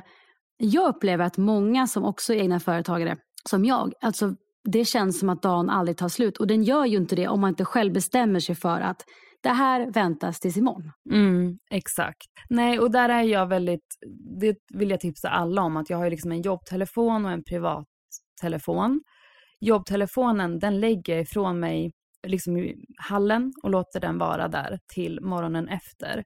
Och det är i perioder när jag inte har gjort det som jag har blivit stressad och mått sämre igen. Jag har ju liksom lidit mycket av psykisk ohälsa och ångest och liksom allt det där. Och jag märker att så fort jag svajar på den regeln så min hjärna, alltså det bara kokar, det går, alltså bara går runt här uppe i huvudet. Och så jag försöker verkligen också nu som chef att visa det att sen kan jag se på morgonen efter att det har skrivits i en grupp eller det kan ha skrivits en lördag klockan tre på eftermiddagen. Men jag kommer inte svara. Det är så bra. Då är du liksom role model där. Mm, jag försöker. Ja, om du visar vägen, då får de andra mm. haka på. Skriver du varje, liksom, du skriver på vardagskvällar vid tio, kommer mm. de ju tro att det är så man gör. Det blir ju så. Precis. Och sen, jag tror också att det kanske funkar ett tag och folk bara, men det gör inget. Men så när det är inne på liksom månad 12 av det, då uh, blir man, alltså jag blir så stressad av det här plinget på kvällen och bara, ah, vad är det nu? Jag borde ta tillbaka min jobbtelefon. Alltså jag hade en jobbtelefon och en vanlig, när du säger det. Men det var någon som började ringa och äckla sig till min jobbtelefon. Mm. Men gud. Så då jag ner den. Ja, det är sant. För att det numret liksom låg, det låg på Eniro, mitt jobbnummer. Ah, Mitt vanliga mm. är inte det. Så Nej. det här jobbnumret då, då var det väl någon som fick tag i det. Och man bara, vad gör du för något snuskigt? Jag hör ju vad du gör. Eh, exakt. Sjukt. Men gud ja. ja, det är helt vidrigt. Oh, vi det undrar om också om det numret typ låg på, alltså på Instagram. Mm. Alltså det numret. Och det mm. var ju ingen succé. Det kan ju vara någon riktig jubel. Ja, verkligen. Dåre. Nej, så det borde du göra. Ja, det är verkligen så bra tips. Och jag tror många som driver eget eller som bara jobbar mycket för övrigt. Jag tror många har ju kanske två telefoner men många som kanske då driver eget, alltså det är ett bra tips. Mm. Men så okej, okay, så du, du kom på idén för flera år sedan men du startade Lisbonne för två år sedan. Och hur gick proceduren till? Du hade fått samples långt innan. Hur gick det till sen? Du behövde alltså då starta bolag, behövde anställa. Hur vågade du? Hur gjorde du? Dels hade jag många möten åren innan med olika slags företag och personer, för jag, var, jag visste inte vart man skulle börja överhuvudtaget. Jag landade väl ändå i känslan av att ehm, nej, men jag vill göra det här själv. För det var, finns många väldigt bra företag där ute, men jag vet jag hade företag med något, det var ett par som hade något för att de skulle äga 60 och jag 40 eller vad det var. Och, eh, och jag vet vi hade något möte, de verkade ändå bra, och liksom vettiga. Men, och då skulle de ge mig alla leverantörer, alla kontakter till allting och bara vi skulle göra det tillsammans. Men jag vet också att det var så här, mm, men kom ihåg att det som säljer bäst är svart. Och jag bara, nej men, nej, men då har inte ni förstått mig överhuvudtaget. Alltså du vet, flera, jag tror två år ändå av sådana, att bara leta runt, vart börjar jag? Och sen var det så här, nej men jag gör det. Ehm, jag var faktiskt nära på att starta det med ett annat företag också, väldigt nära. Och sen um, vart det liksom lite diskussioner just vid kontraktet, för det har varit väldigt viktigt för mig att det här är liksom mitt. Så det var lite tur, för då när det hände just den dagen var det så här, men gud vad, jag, vad gör vi nu? Men um, det kändes menat efteråt. Så då um, var jag så här, men nu kör vi. Det var under corona mm. och min son Teloe var väldigt liten. Nej, så då anställde jag två personer och vi satte igång karusellen ordentligt, liksom att nu kör vi. Och hur liksom det här startskottet, hur vågade du precis då? Vad var det i dig? Var det då att du kanske hade, jag tänker så här, nu så beskrev du att du har suttit i en sits där du så inte riktigt vet. Kom det till det att bara, det är dags? Ja, jag känner nog, det, ja, nu eller aldrig. Och de åren var också väldigt bra. Jag hade gjort um, för Fina Trikå som hade gått väldigt bra och jag tror att det gav mig lite självförtroende. Eller mycket självförtroende för jag såg att personer faktiskt var intresserade av min design. Innan har jag bara sagt att det är något, något kul, något jag tycker om att göra. Men när jag släppte Gina-kollektionerna så var det så här, men gud, det är uppskattat. Det måste ju varit så helt rätt, alltså, alltså, vilket bra steg i rätt riktning då. Att så få lite push i baken och så bara, gud, kläderna är verkligen uppskattade. Ja, precis. Och när de frågade mig efter den andra kollektionen, då var jag först så här, nej jag kommer inte göra det, nu kör jag själv. Men så landade jag ändå med, jag gör en till. Och efter det så fick jag frågan om faktiskt en till och sen hörde många andra företag i Sverige av sig, både träningsföretag och, ja du vet. Men då kände jag, nej, nu, nu gör jag det själv. Nu är det dags. För att om, de, om så här många vill ha mitt namn på deras produkter och min design input, då uh, måste jag göra det själv och äga allt själv. Ja, hundra procent. Men eh, vilket plagg som du har designat är du mest stolt över? Är det något som du så här, det här är mitt som blivit lite signatur? Men det är vår statementkappa. Alltså jag älskar den. Ja, jag med. Jag älskar den så mycket. Jag, för, och den också, för den har varit i min mapp på min dator. Jag har ritat upp något, jag har sparat ner en massa inspo. Alltså kanske sex år, sex, sju år. Så att det var det första jag visste att jag ville göra med Lisbonne.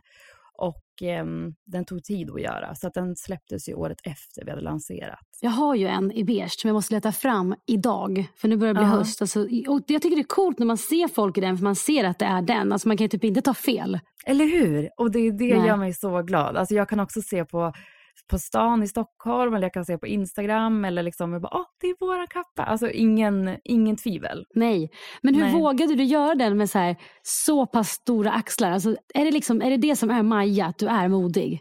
Du bara, det här känns som jag, jag kör. Ja, jag tror det. Och ja, där, för där var det ändå så här, men ska vi inte ta in lite, är den lite för bredare? Och jag var så här, nej, för att jag själv har letat efter en sån och inte hittat. Och eh, mina kunder, alltså jag förstår att vi kommer inte vända oss till alla jämt. Nu försöker vi bredda vårt sortiment och, och så, men jag kommer alltid vilja göra de här plaggen för den som är som jag och den mm. som letar efter samma plagg som jag letar efter. Hur kunde du välja färger till den? Vilken var den första färgen som ni tog in? Svart. Svart, mm, såklart. Ja. Och sen då? Vad gjorde ni sen? Nej, och sen bad vi om samma alltså, tygswatches i den. Och då mm. var det mm. så här, men det är klart du måste ha en beige. Och nu jobbar mm. vi på um, nästa års. För jag vet inte, den är redan slut i typ alla storlekar. Mm. Och jag känner väl lite att äh, men vi, vi håller på att utveckla den lite för att det ska komma. Jag älskar ju kappan så jag vill inte liksom lägga ner den helt. Men jag känner väl att vi måste utveckla den lite nu.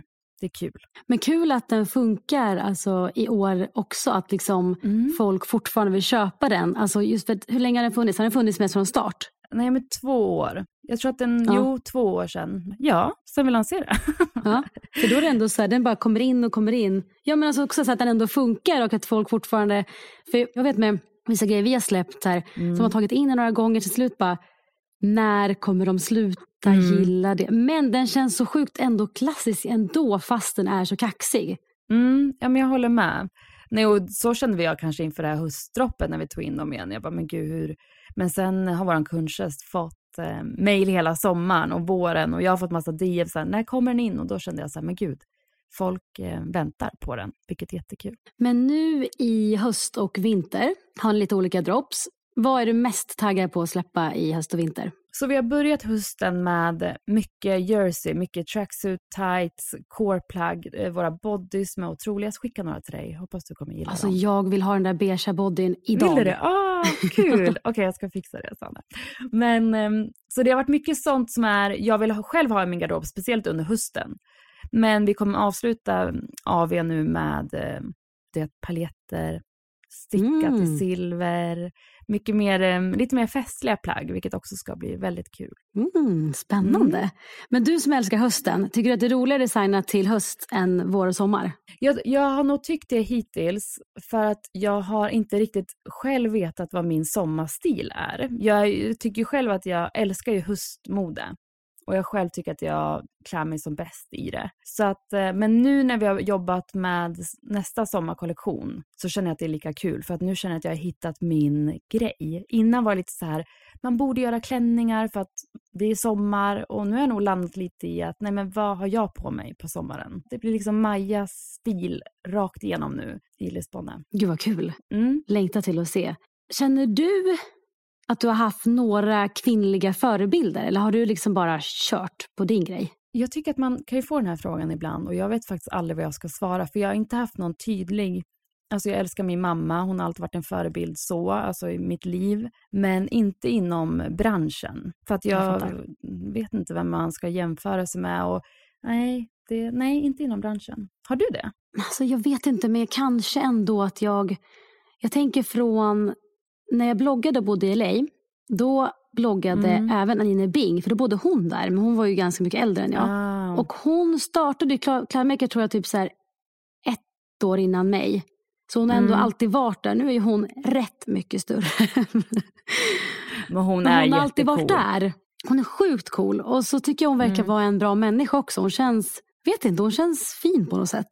Mm. Även fast jag inte vet egentligen så mycket om henne. Nej men gud, men det håller jag helt med om. Det är ju alltid så här, alltså Anine Bing är ju, jag förstår exakt vad du menar. Hon är cool. Ja, Men du som kör, du kör ju Instagram, lite YouTube och eh, lite TikTok. Mm. Hur mycket lägger du på Lisbonne, alltså typ, typ procentmässigt jämförelsevis med dina sociala kanaler? Alltså jag jobbar ju med Lisbonne heltid Mm. och har då försökt hålla upp det här. Men jag vet inte om man faktiskt vet det. Och vet, influensyrket är väldigt tacksamt och det är väldigt kul, väldigt bra pengar för det vi gör. Men det tar en otrolig tid. Jag spelade in ett samarbete häromdagen och med redigering och allt tror jag totalt sex och en halv timme. Och det betyder ju då att jag ligger efter, så mycket efter med Lisbonne-jobbet för att jag ska få in ett samarbete där. Men planen framåt nu är att jobba mest med Lisbonne. Ja, jag har varit i valet och kvalet länge, men eh, nu när alla vill planera in nästa års kampanjer och sådär så har jag faktiskt valt att tacka nej och bara köra med Lisbonne.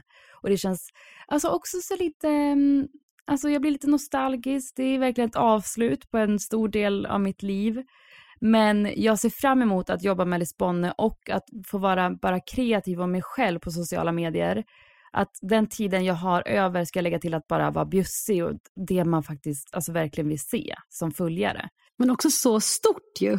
Ja, det är jättestort. Och också så här, du vet att om du skulle vilja så kommer det finnas alternativ för dig. Om du vill eh, jobba Ja. med dina sociala medier ändå. Men alltså kanske skönt Ja. att bara gå all in på Lisbonne. Jag känner att den, eh, Lisbonne förtjänar den tiden och kärleken så nu kör jag. Och det är läskigt men det känns så rätt. Alltså jag är taggad på att se. Ja, visst. Vad, vad är nu drömmen framåt med Lisbonne då? Alltså om du bara drömmer fritt. Fem år. Har ni fysiska butiker då? Absolut. det har vi. Alltså jag letar redan, vi letar efter kontor och showroom slash butik nu till våren. Det är liksom första stora steget. Ja, att få ett större team och bara, alltså absolut butiker. Jag har ju alltid haft en vision och en dröm om en butik i Paris. För jag och Victor var där kanske sju år sedan, sex år sedan och eh, gick runt. Och då tror jag, jag vet inte om Anine Bing var inte så stor då. Alltså hon var stor men det var på tal om Anine Bing. Och då gick vi från en liten gata i Paris. Och så sa jag, men gud, Anine Bing finns i Paris. Sen kanske jag var helt efter. Men jag vet att jag tänkte wow.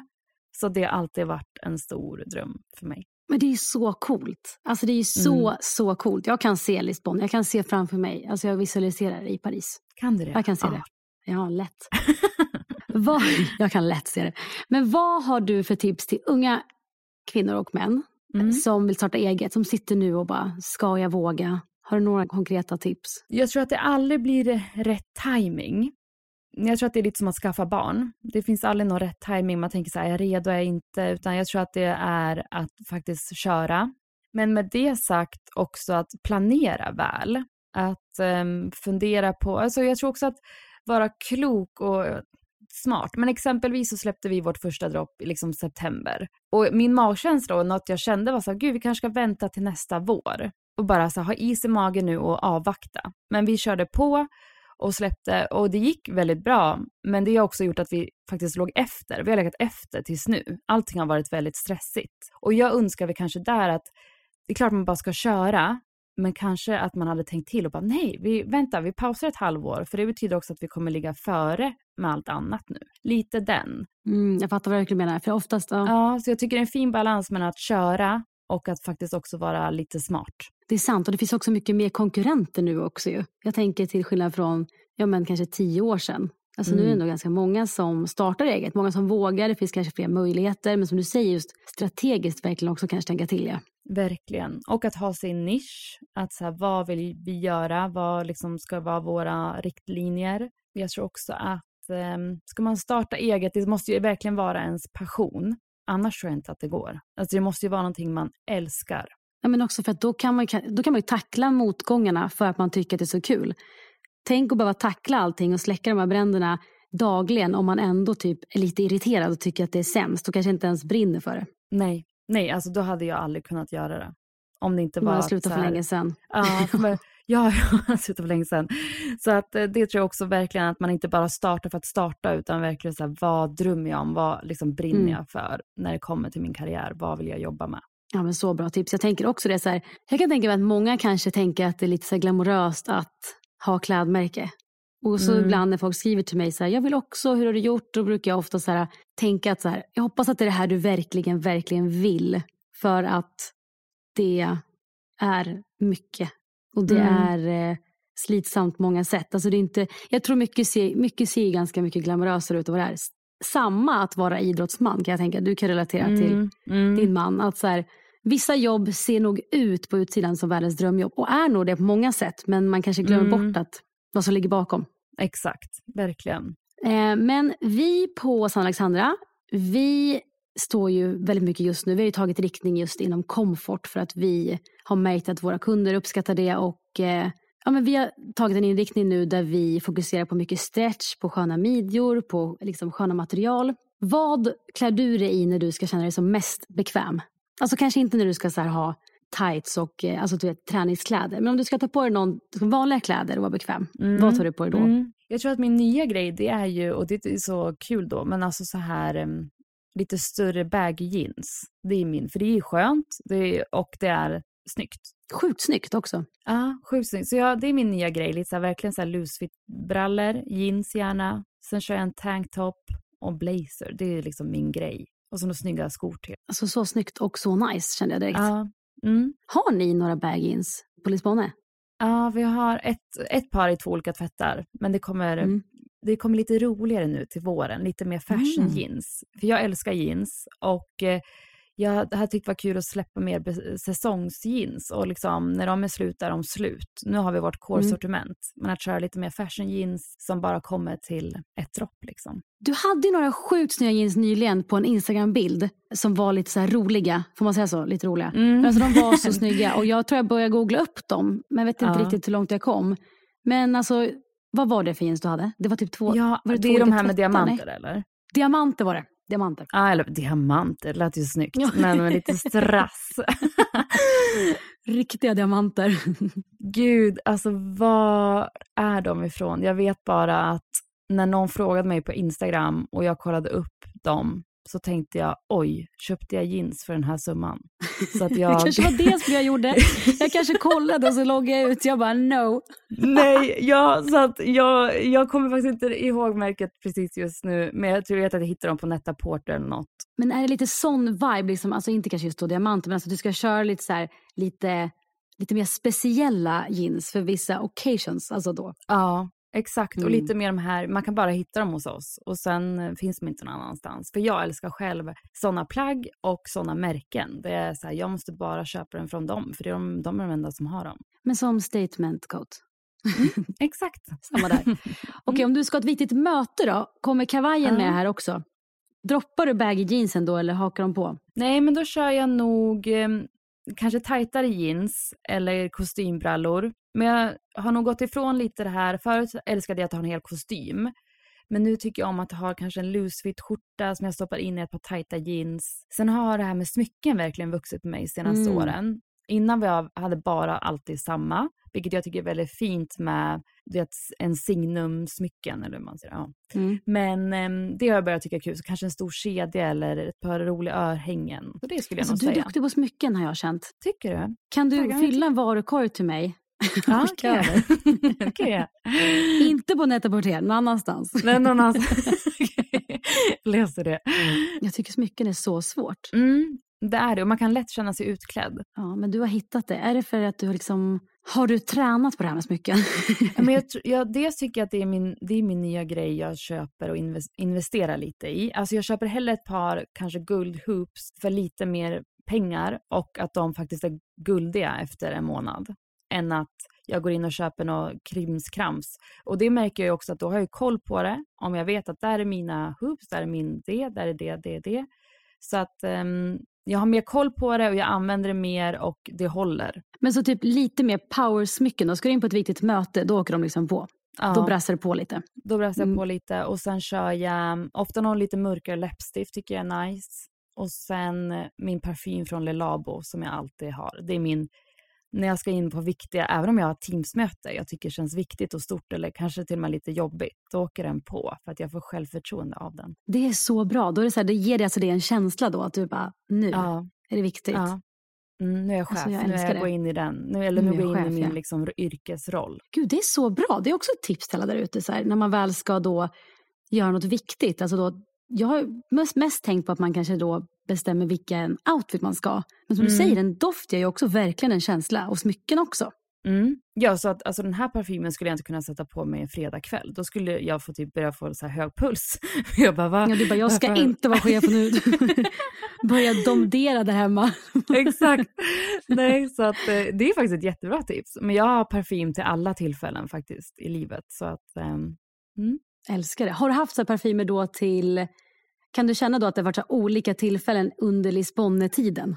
mm, nej, för då har jag nog kanske oftast haft den. Det är chefparfymen då. Mm, mm. Den åker på.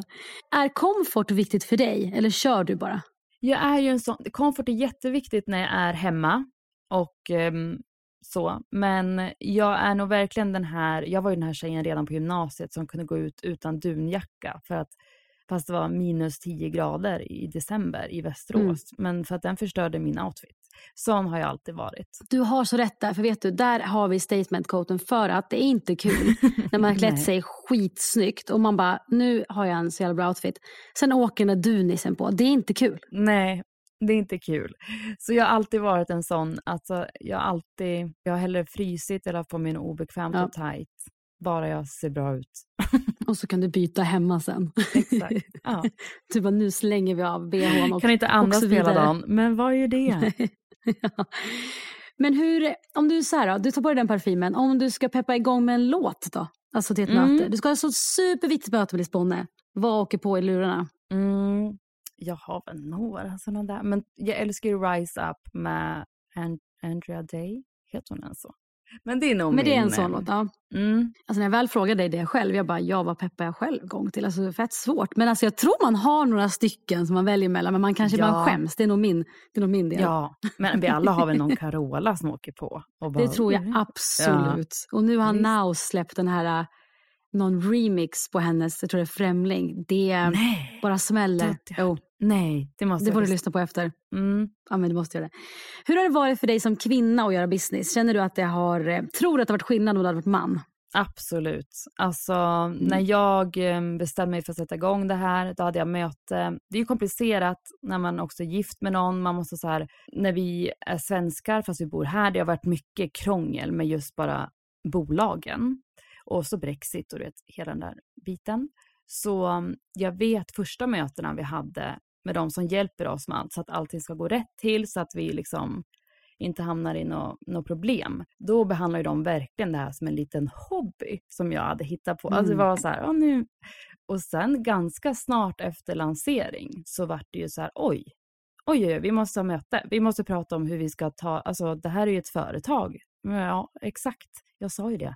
De trodde det var lite kul då eller? Ja, precis. Och jag tror hade Viktor haft det mötet med dem hade väl em, hans upplägg varit så som mitt är idag, två år senare. För jag behövde väl bevisa lite att det inte bara var en liten hobby. Så skönt att få bevisa det känner jag. Oj, oj, Och bara, oj. här ser Absolut. ni, ni som inte fattar någonting. Men jag, ja, jag fattar verkligen det där. Just det här att starta eget som ung kvinna. Alltså det är inte så att Mm, majoriteten har trott att det ska gå dunder. nej, nej, verkligen inte. Och det är så så taskigt. Ja, ja, ja, jag vet. Men jag, jag lovar dig nu, det kommer, jag tror att det blir andra tider nu. Jag tänker på att skulle liksom Selma, min dotter, skulle hon bara, jag ska starta eget hade jag sagt. Det finns så mycket förebilder, go Mm. ahead. Men det är väl det att det har inte kanske varit, det har inte funnits samma möjligheter för kvinnor ens. Nej, exakt. tidigare. Nej, så det tror jag absolut har varit skillnad. Fatta vad coolt ändå. Alltså, tänk så många då som kan se upp till dig och bara, Maja gjorde det här. Jag tänker typ så här, kanske unga tjejer eller killar i Västerås som bara, ja hon Mm, gjorde det, jag ska också göra det. Ja, hoppas. Ja, kanske. Jag är inte riktigt där än mentalt tror jag. Jag, jag vill bara framåt. Mm. Så jag hoppas att jag om fem år kommer vara så här wow. Eller liksom så här vad långt det har kommit. Men just nu är det mest att jag bara vill, jag, jag har så mycket mer innan jag kommer klappa mig själv på axeln. Sån är jag.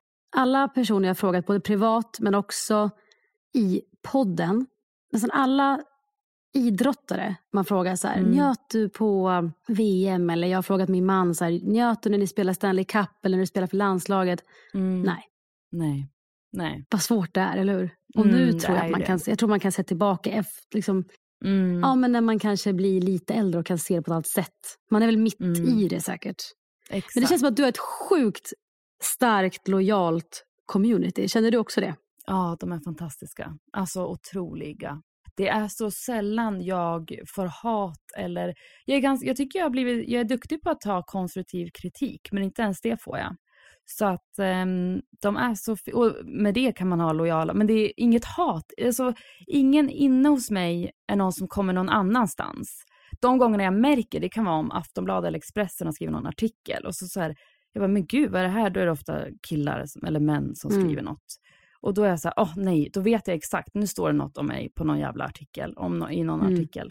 Men det är enda gångerna. Det är ingen som liksom em, smyger runt hos mig och följer mig fast den inte gillar, det är det säkert, men de hörs inte. Ja, men inte så obvious, nej. Nej, Nej, men det känns som att de är, alltså jag, jag upplevt det också när man pratar om det, det känns som att de har sjukt lojala följare. Det är coolt. ja det är så fint. Alltså det måste göra också mycket i vardagen i att så här, jag är supportad här. Jag tänker när jag släppte so- liksom sommarpratet, typ, att så här, de kommer finnas där. Ja, och det var det jag kände. Och till och med Viktor sa det, min man, han var så här, tänk bara på alla som tycker om dig som kommer lyssna imorgon. Alltså, ah, Mm. tänk alla inne på din Instagram. Jag bara, åh, tror du det? Jag hoppas. Och det var det Mm. viktiga för mig, att de tycker om det. Var liksom någon som inte känner mig, alltså det blir ju nästan ett bättre kvitto Det när de jag. jag ändå upplever har följt mig tycker om det. Än om de hade varit besvikna och bara, men vad var det här Maja? 100 procent. Det är ju typ Mm. dina, så som du är deras liksom eh, cyber, säger man cyber? Cyber friend? cyber. Ja, Ja men så är det väl dina vänner liksom. det Ja. är det. Alltså bland det roligaste jag vet är att ha frågestund och när jag Mm. pratar. För att responsen direkt på min DM är så rolig och fin. Jag Så fattar det. det, har jag tråkigt en kväll, då gör jag det för att jag får ut så mycket av det. Det är galet faktiskt. Men alltså nu börjar jag tänka lite här. Då tänkte jag, kan du känna, nej men när du har flyttat runt och flyttat med, du har flyttat med din man för att han har spelat fotboll. Jag tänker nu tillbaka när jag flyttat med både mitt ex och min man. Att bloggen och följarna har ju gjort under alla tider att man har varit mindre ensam. Kan du känna det Mm. också? Absolut. För ibland så är man ju lite ensam. Ja, ibland är man det och att det är, um, nej jag håller helt med. Mm. Så är det Jag verkligen. bara tänkte på det nu, så här, när du ligger där en kväll och typ snackar med dem. Jag kan känna igen mig det så väl. att så här, Mm. Man kanske har varit med sina, liksom, sina barn hela dagen och så vill man ha lite Mm. vux- vuxenkontakt men ens man är inte hemma. Så man bara, hallå, Exakt. är det någon som Ja. vill prata med mig? Och jag kan verkligen sakna det. Som nu när det varit så den här veckan, vi håller på att flytta, vi flyttar imorgon Mm. när vi spelar in det här nu. Jag har inte hunnit lagt upp någonting. Jag kan verkligen sakna så här Ja. kontakten. Det låter jätteknäppt, men så är det. De saknar ju lätt dig också. Men jag tänker, en sista fråga innan vi ska köra de här tre snabba bara som jag frågar alla. Mm. Det är, hur har det varit att jobba och ha barn samtidigt och hur hittar du någon slags balans? Jag vet också, du är ju ganska mycket själv, eller hur? I och med att han Mm. är borta. Mm. Jag tycker det har varit väldigt jobbigt. Jag är en person som ibland... Jag är nog ganska hård mot mig själv just mamma. Jag vill liksom såklart vara världens bästa mamma.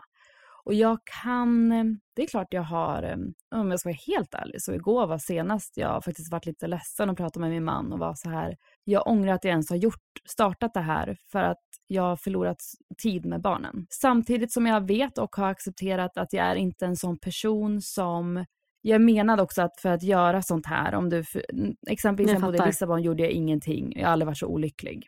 Jag Nej. vet att jag, det här som du sa, livet kan vara ganska ensamt. Att bara vara hemma mammaledig med då Francis i två år, Mm. det hade inte passat mig heller. Jag hade blivit galen. Nej. Men så jag försöker och tycker att jag hittat en mycket bättre balans nu. Jag är verkligen bara med barnen när jag är med dem. Inget sånt här att jag håller på och scrollar, kollar, utan jag är bara med dem. Man kan inte typ få kontakt med mig. Jag försöker att vara snäll mot mig själv och tänka att jag har gjort så gott jag kunnat. Och att jag också försöker fullfölja mina drömmar, precis som deras pappa Mm. gör. Jag skulle vilja säga det. Alltså, tror du inte också, för jag är också väldigt hård mot mig själv. Tror du inte också, där är vi ju typ i någon slags kvinnofälla i att det känns som att det är mest mammor som känner så att man eh, ja, men offrar lite tid från barnen för att man jobbar medan det känns som att när pappor gör det så är det inte alls Nej, några sådana tankar. exakt. Det kanske är det, men jag tycker i alla fall kvinnor är bättre på att kommunicera det. Mm, ja, precis. Nej, och jag tänker att det, ehm, det jag har lovat mig själv nu och som jag tror att jag också senaste året har fokuserat på det, att, som jag sa, att när jag väl är med dem är jag med dem. Och sen försöker jag tänka, men till, vi, vår dröm är att ha tre barn. Och jag Mm. bestämde mig för att vara så absolut så mycket mammaledig som jag bara kan.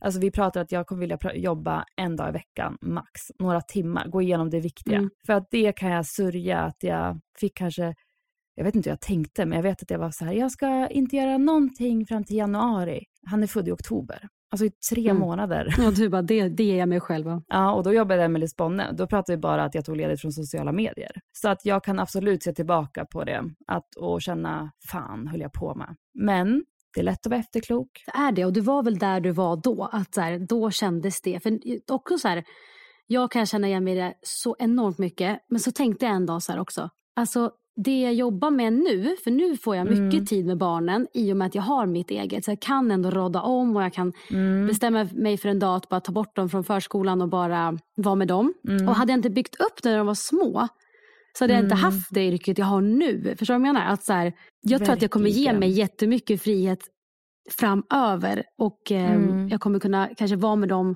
mer än de flesta om jag vill. Förstår du vad jag Mm. menar? Men jag känner igen mig så mycket. Ja, och där påminner min mamma mig om, för att hon kan vara, hon är så här, men Maja, du är mycket mer med dina barn än vad du tror och vad många andra är. Exempelvis Francis är hemma på tisdagar med mig.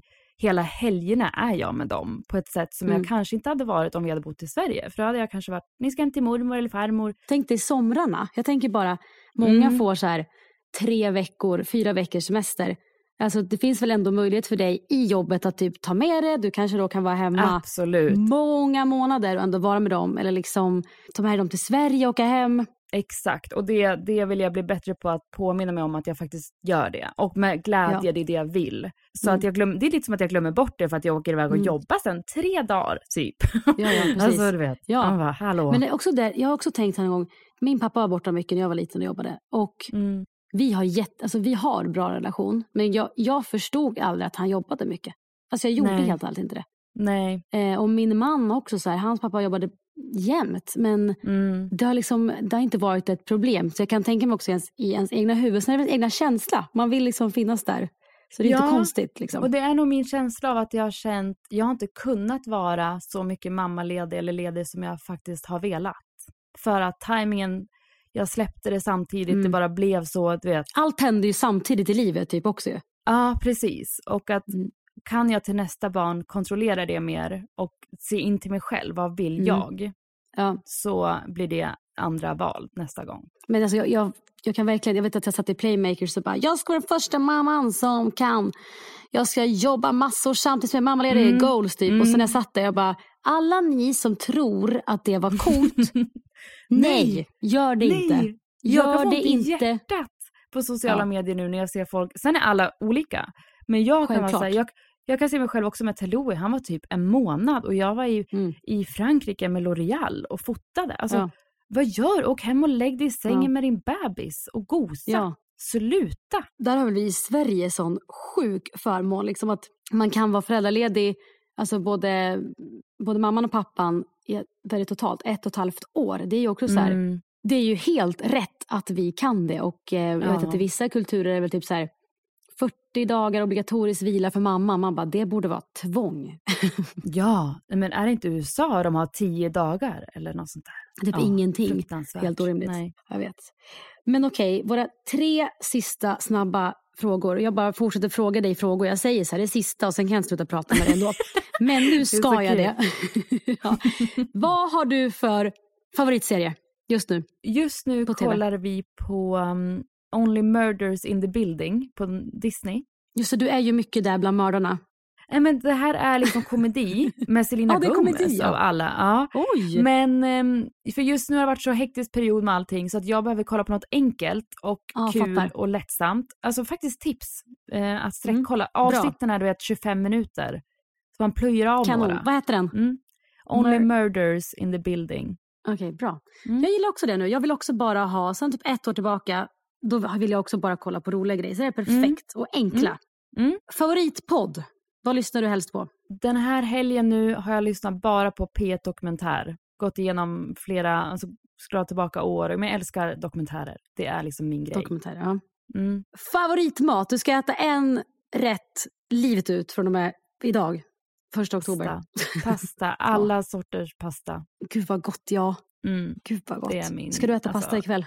Eh, jag tror det. Alltså, vi har ju köpt, kört hämtmat nu i sju dagar i rad. Men ikväll är det nog dags för pasta. Igår var det hamburgare, dagen innan var det indiskt. Så då känns pasta aktuellt. Vet du att jag inser nu att det var typ ett år sedan ungefär. Nej, ungefär. Jo. Som jag och Jakob var Ja. hemma hos er åt pasta Ja. på halloween. Exakt. Du, vi, Så det nu. Jag bara, det är oktober. Ja, det är det ju. Gud, Sanne. Ja, vi städade garaget häromdagen och då hittade jag våran... Viktor har en grej att när han tar fram någon fin flaska rödvin så ska alla skriva på den som man har delat det med. Exakt. Och då såg jag era namn där. Oh De nice. Sara. Det var faktiskt väldigt Mm. gott. Det var så och väldigt nice. kul. Det var askul. Det var så, så kul. Och jag hade jättekul, extra kul efter fyra glas, fem glas bubbel där. det var så nice. Men du, om man vill komma i kontakt med dig, då Mm. på Instagram, Maja Nilsson Lindelöf. Maja Nilsson Lindelöf. Eh, samma på Youtube. TikTok. TikTok. på de flesta ställena, ja. Ja, men helt underbart att få ha dig med. Det här var ju sista Empower Her-avsnittet. Ah. Eh, så jag är helt säker på att eh, alltså, mina lyssnare kommer älska det här avsnittet. Och jag är så, så, så glad att du var med.